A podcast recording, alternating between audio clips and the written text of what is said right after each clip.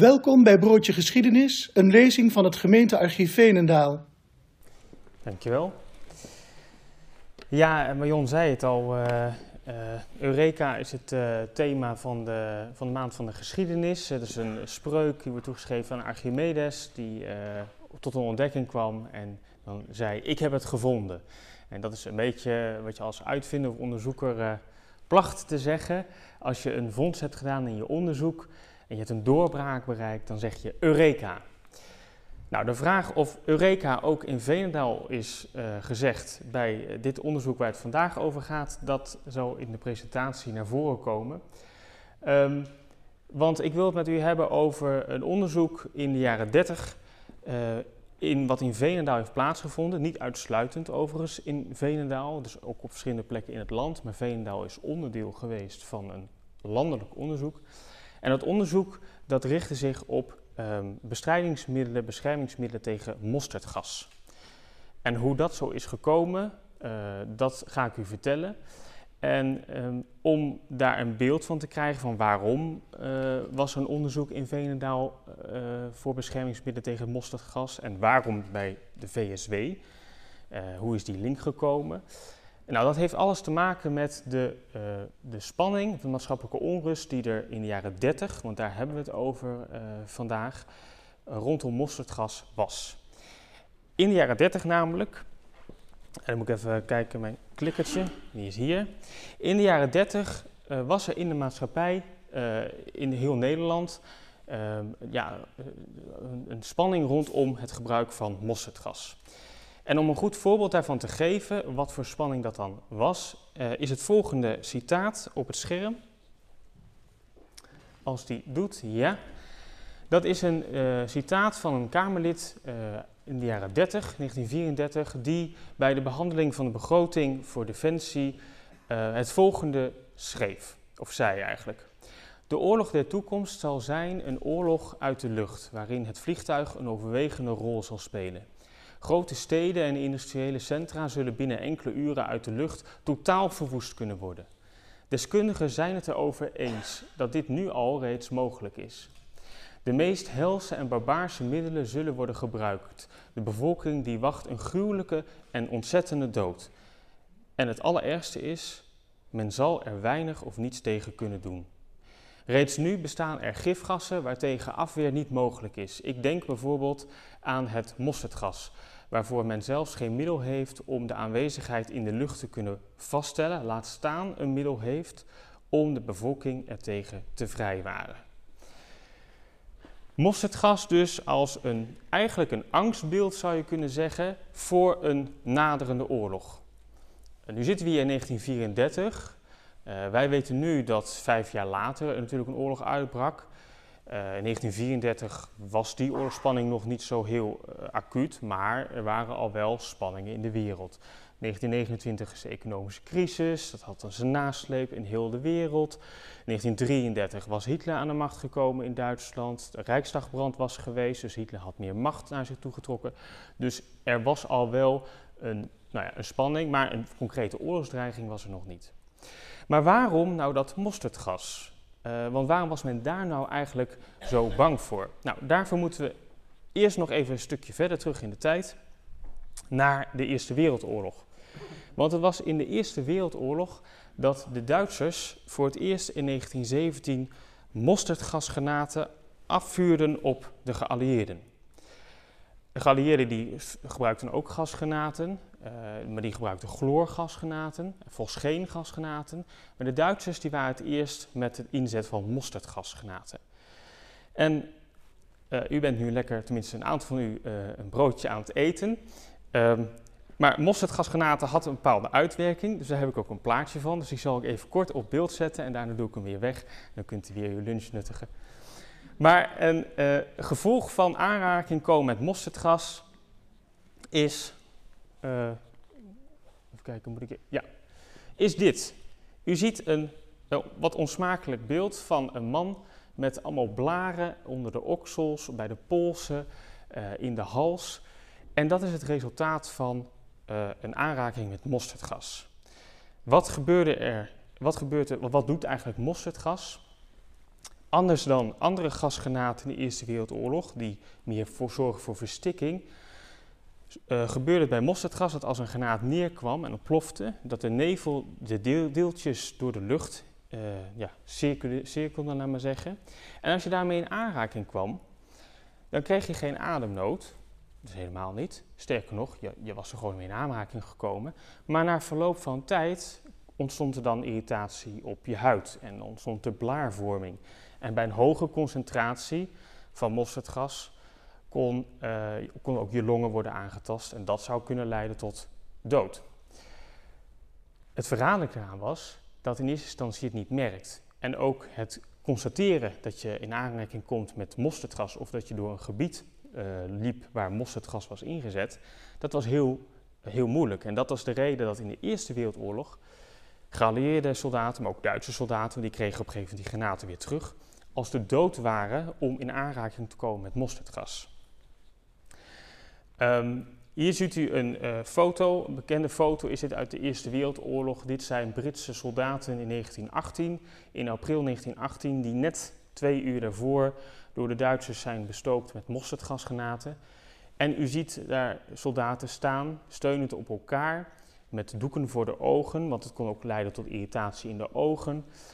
Um, die zijn dus net beschoten, door, uh, met, dus, uh, of onder vuur komen te liggen met mosterdgasgranaten. En deze foto is um, later eigenlijk de iconische foto wel geworden haast van de Eerste Wereldoorlog. Deze foto staat eigenlijk in elk boek over de Eerste Wereldoorlog. Het is een beetje vergelijkbaar met uh, bekende foto's zoals de Tweede Wereldoorlog. Je hebt die, de Iwo Jima flag raisers, dat is ook zo'n iconische foto. Deze foto is dat voor de Eerste Wereldoorlog. En dat heeft te maken met die angst voor dat mosterdgas. Want dat was een verraderlijk, venijnig wapen. Uh, zo erg dat zelfs uh, de Duitsers die het zelf inzetten, ook hun eigen manschappen moesten waarschuwen. Want als ze op de linies hadden geschoten en ze rukten op, dan moesten hun eigen troepen door gebied heen waar eerder mosterdgasgranaten waren neergekomen. En het was zelfs zo dat als een, een hoge concentratie gasdeeltjes op bijvoorbeeld een gras uh, was neergekomen, jij ging daar toevallig zitten met je lunchtrommeltje om even te lunchen, dan kon dat al genoeg zijn om besmet te raken. Want die deeltjes die werkten door uh, kleding heen uh, en kwam dan in contact met je huid en dat leidde dan weer tot die klachten. Nou, hier ziet u een aanplakbiljet van de Duitsers om geen huizen te betreden, geen water te drinken, gewoon door te lopen in het dorp, niet stilstaan. want het kon heel rap gebeuren. De Eerste Wereldoorlog is voorbij, uh, dus die oorlog is voorbij, maar dan ontstaat er eigenlijk uh, een maatschappelijk debat over het gebruik van mosterdgas. Niet alleen in Nederland, wereldwijd, maar ook in Nederland. En men heeft de ervaring uit de Eerste Wereldoorlog achter de rug. En men denkt, ja, maar met deze techniek, en dat leidt tot gruwelijke uh, schade aan mensen, ehm, wat moeten we daarmee? En eigenlijk zijn er dan twee kampen na die tijd. Dus er is een, een, groep die zegt, we moeten helemaal niet ons daarmee bezighouden, we moeten niet investeren in technologie rondom mosterdgas. Uh, het is inhumaan om in te zetten. Um, en er is een groep die zegt, ja, uh, we moeten ja, ons juist erin verdiepen, omdat we kennis moeten hebben van de werking van het mosterdgas, zodat we ook kennis hebben om ons er tegen te beschermen. Maar goed, als je kennis hebt van de werking van mosterdgas, weet je natuurlijk ook hoe je het kunt inzetten. En zo draait zo'n discussie altijd om, is het uh, goed om je daarin te verdiepen of niet. Um, nou, dat, die discussie die loopt in de jaren 20 en dan wordt het in de jaren 30, uh, in 1934, dat in Nederland er een commissie wordt ingesteld van advies nopens chemische en aanverwante verdedigingsvraagstukken. Dit was nog de tijd dat je commissienamen had die niet op één regel pasten, maar uh, heel, lang, heel lang duurden. Wij zouden nu gewoon zeggen een onderzoekscommissie.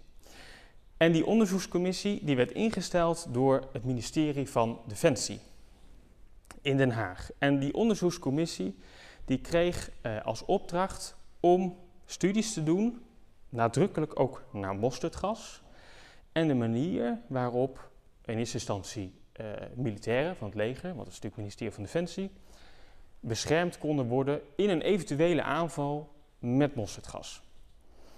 Ehm, en in, die, in, in, de tweede lijn zou dan eventueel ook voor burgers beschermende kleding komen, maar het was stuk gericht op het leger. Um, en dit, dit, is ook de reden dat die meneer Zadelhof, die net geciteerd werd, dus later in het jaar in het parlement zegt van nou, dat, dat, dat, uh, we hebben hier um, een verschrikkelijk, er, komt eigenlijk een apocalyptische situatie op ons af uh, met gruwelijkheden en we kunnen ons daar niet tegen beschermen. Nou, die commissie die uh, staat onder leiding van een emeritus hoogleraar scheikunde, meneer Romburg, en een meneer Aart van der Weduwe, die was secretaris. En die is eigenlijk voor Veenendaal iets uh, belangrijker, want daar zit een link met Veenendaal. Um, die was secretaris van, uh, van die commissie. En die meneer Aart van der Weduwe was ook een scheikundige en die werkte als uh, hoofd, chef van het scheikundig laboratorium bij de artillerieinrichtingen in Hembrug. Ja, en dat moet ik even uitleggen voor wie dat niet weet. Hembrug is een buurtschap in de buurt van Zaandam. En de artillerieinrichtingen was tot begin deze eeuw een staatsbedrijf die uh, wapens produceerde voor de het Nederlandse leger en het leger in Nederlands-Indië. Daar werd artilleriestukken geproduceerd, vandaar de naam artillerieinrichtingen vanuit de 19e eeuw. Maar men produceerde daar ook uh, vuurwapens, dus geweren, uh, pistolen. En men had daar dus een afdeling die onderzoek deed naar scheikundige afdeling. Die stond dus onder leiding van die meneer van der Weduwe. Uh, en daar deed men allerlei proeven. En dat onderzoek naar mosterdgas, wat door die commissie moest worden uh, op, op poot worden gezet, in opdracht van de minister van Defensie, uh, het epicentrum vond, was, vond hier plaats. Dus in Hembrug, bij de artillerieinrichtingen. Maar er waren twee andere bedrijven of instituten ook bij betrokken. De ene was de Rijksrubberdienst in Delft. En waarom was die betrokken? Nou, men had inmiddels in de jaren 30 wel in de gaten hoe je mosterdgas uh, enigszins kon uh, neutraliseren. Er was wel wat kennis. Uh, men wist dat als iemand bloot werd gesteld aan mosterdgas, dan kon je chloorkalk over iemand heen spuiten. Dat gold ook voor voorwerpen, dus deuren of muren en dergelijke. En daarna afspoelen met water. Maar ja, daar moet je dan wel snel bij zijn na een besmetting. En in een oorlogstijd situatie, dat kun je niet altijd snel bij zijn. Men was er inmiddels ook wel achter dat rubber als materiaal van, van, van de werking van de stof uh, enige bescherming bood. Dus als je een rubberen laars had, of je had een rubber kostuum, lekker warm en ook niet echt makkelijk mee te bewegen, dan was die doordringtijd van die stofdeeltjes, van die gasdeeltjes, uh, excuses, die, uh, die kon worden vertraagd. Maar uiteindelijk kon ook rubber nog niet lang genoeg uh, bescherming bieden. En daarom deed het Rijksrubberdienst mee, want die wilde graag weten hoe ze rubber konden inzetten. En de VSW. Ook de VSW deed mee in het onderzoek. En hier komt een beetje de vraag waarom de VSW meedoet. Waarom was Veenendaal nou een onderdeel van dat landelijke onderzoek? Daar heb ik mijn vinger niet helemaal achter kunnen krijgen.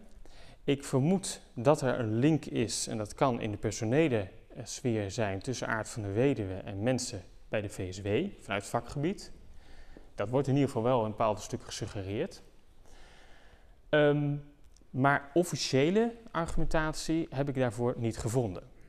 En dat heeft ook weer ermee te maken dat bij het gemeentearchief wij wel een archief van de VSW hebben, maar na de sluiting van die fabriek is eigenlijk maar een plukje uh, hier naartoe gekomen. Een soort fragmentarchief wat incompleet is met niet alle directiestukken, ook niks over productielijnen en dergelijke. Dus we hebben eigenlijk maar heel gefragmenteerd wat informatie.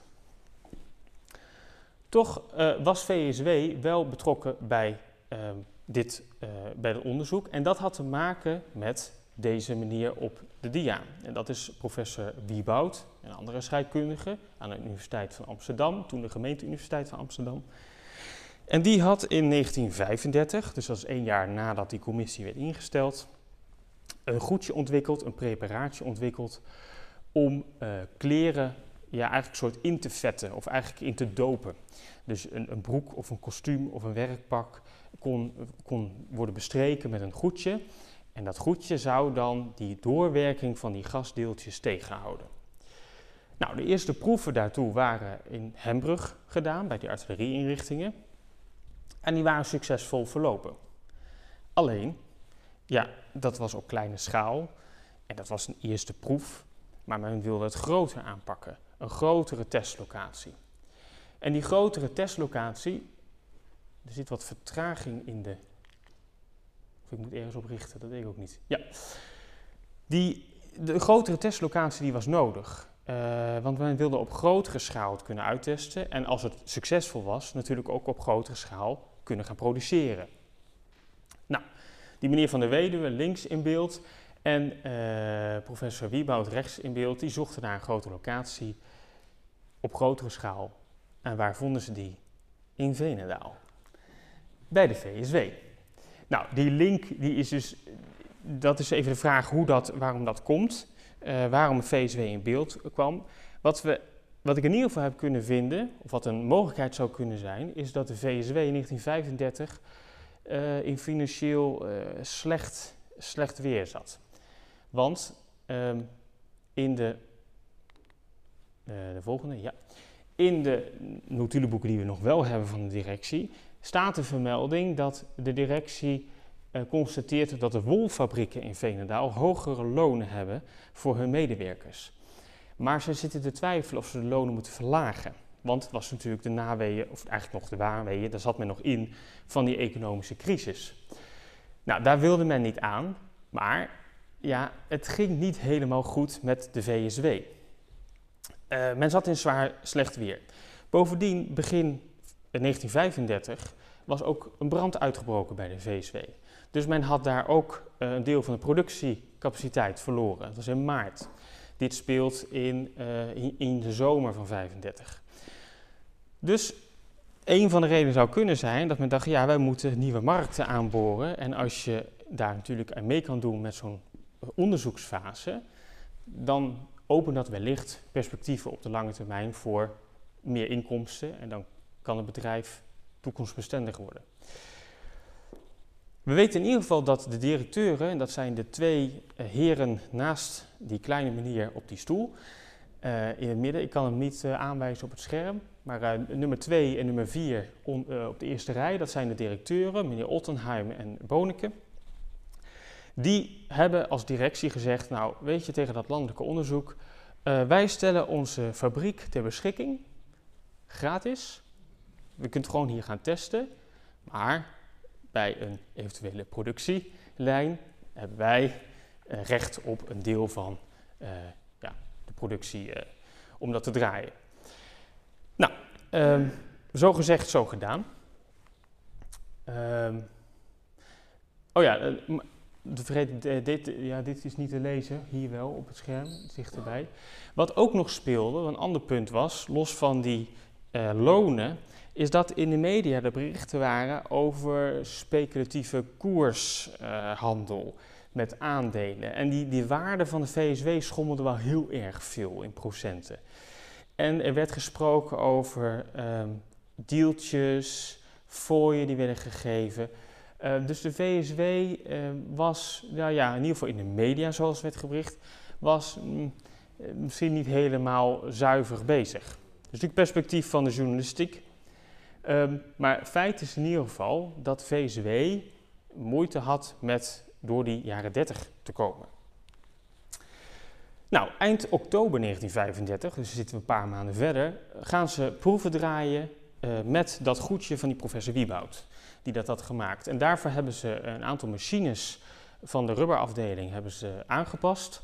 En hebben ze eigenlijk een soort constructie gemaakt waarin op wat uh, eenvoudige en grotere schaal kleding kon worden ja, bewerkt met dat preparaat van professor Wieboud.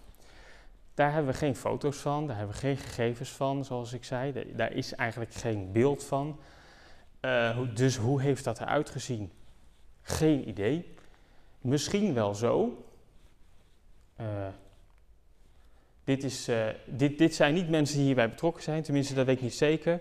Maar dit is wel een momentopname uit de jaren 30 van werknemers in de VSW bij uh, machines. Dus om een beetje een beeld te geven van men heeft daar in die ruimtes van de VSW gewerkt. Men heeft een machine klaargemaakt. Men is met die vloeistof die snel ontbrandbaar was, ontvlambaar was, van professor Wieboud, heeft men gewerkt. En de eerste resultaten waren uh, redelijk uh, goed. Maar ja, men was er nog niet helemaal. En dus minister Colijn, de bekende Hendriks Colijn, eind, jaren, of eind 1935, was minister van Defensie toen en die deelde in december aan de Tweede Kamer mee ja, er zijn landelijk zijn er proeven geweest. U weet nu, in Venendaal zijn er proeven geweest, maar dat zei Colijn niet in de Tweede Kamer. Maar we zoeken nog verder. Dan wordt het 1936 en ja, dan is er een ander iemand in Den Haag, meneer G. van der Veen, die eigenlijk ook zo'n preparaat heeft gemaakt, net zoals professor Wieboud. En dat preparaat wordt ook getest in, uh, de Hembrug, uh, bij de Hembrug-instellingen of de artillerieinrichtingen. En dat leek veel succesvoller te zijn. En dan is het een tijdje stil en dan wordt het 1938. Intussen is in 19... Oh, het gaat heel snel. Oh jee. Nou ja, zo. Uh, intussen in 1936 is het Rijnland bezet door de Duitsers. Um, dus de spanningen nemen toe. Um, maar dan wordt het 1938 en dan is er een luchtbeschermingstentoonstelling waar het ministerie van Defensie en die commissie en die meneer Van der Veen met het, met het goedje 2.0 als het ware een demonstratie geeft van een kostuum wat men helemaal heeft bewerkt met dat preparaat, wat meermalen gebruikt kon worden. Dus na aan, aanraking te zijn geweest met mosterdgas kon je het gewoon wassen. Daarna kon je nog weer, het nog steeds bescherming. Het leek eigenlijk een doorbraak te zijn, Eureka. En er werd al gesproken over uh, het opstarten van, nou ja, op grote schaal produceren van kleding. In eerste instantie voor de luchtbeschermingsdienst, die zou de eerste kledingstukken krijgen. En de VSW zou in 1939, vanaf 1939 gaan produceren. Goed nieuws voor de VSW. Maar dan vindt er een ongeluk plaats in 1939 in juni. En dat vindt niet in Veenendaal plaats, maar dat heeft wel weer invloed op Veenendaal. Dat vindt plaats op de artillerieinrichtingen. Daar wordt een gebouwtje gemaakt, daar is een aannemerbedrijf, die zijn aan het graven en er is een bouwvakker die een stuk uh, ijzeren staaf die uit de grond tevoorschijn steekt, oppakt, weggooit, ligt in de weg, gaat, gaat door met zijn werkzaamheden, komt s'avonds thuis, krijgt opeens allemaal klachten, krijgt rode vlekken, krijgt blaren, belt de huisarts. De huisarts komt langs. De huisarts denkt, dit zijn symptomen van mosterdgas. En wat dan geprobeerd wordt, is dat die, die, die, die uh, casus die eigenlijk ontstaat, die probeert men aanvankelijk een beetje uit de media te houden. Want wat was namelijk het geval? Die materiaal of die staaf die die bouwvak hadden opgepakt, die was een half jaar eerder naar proeven begraven op het terrein.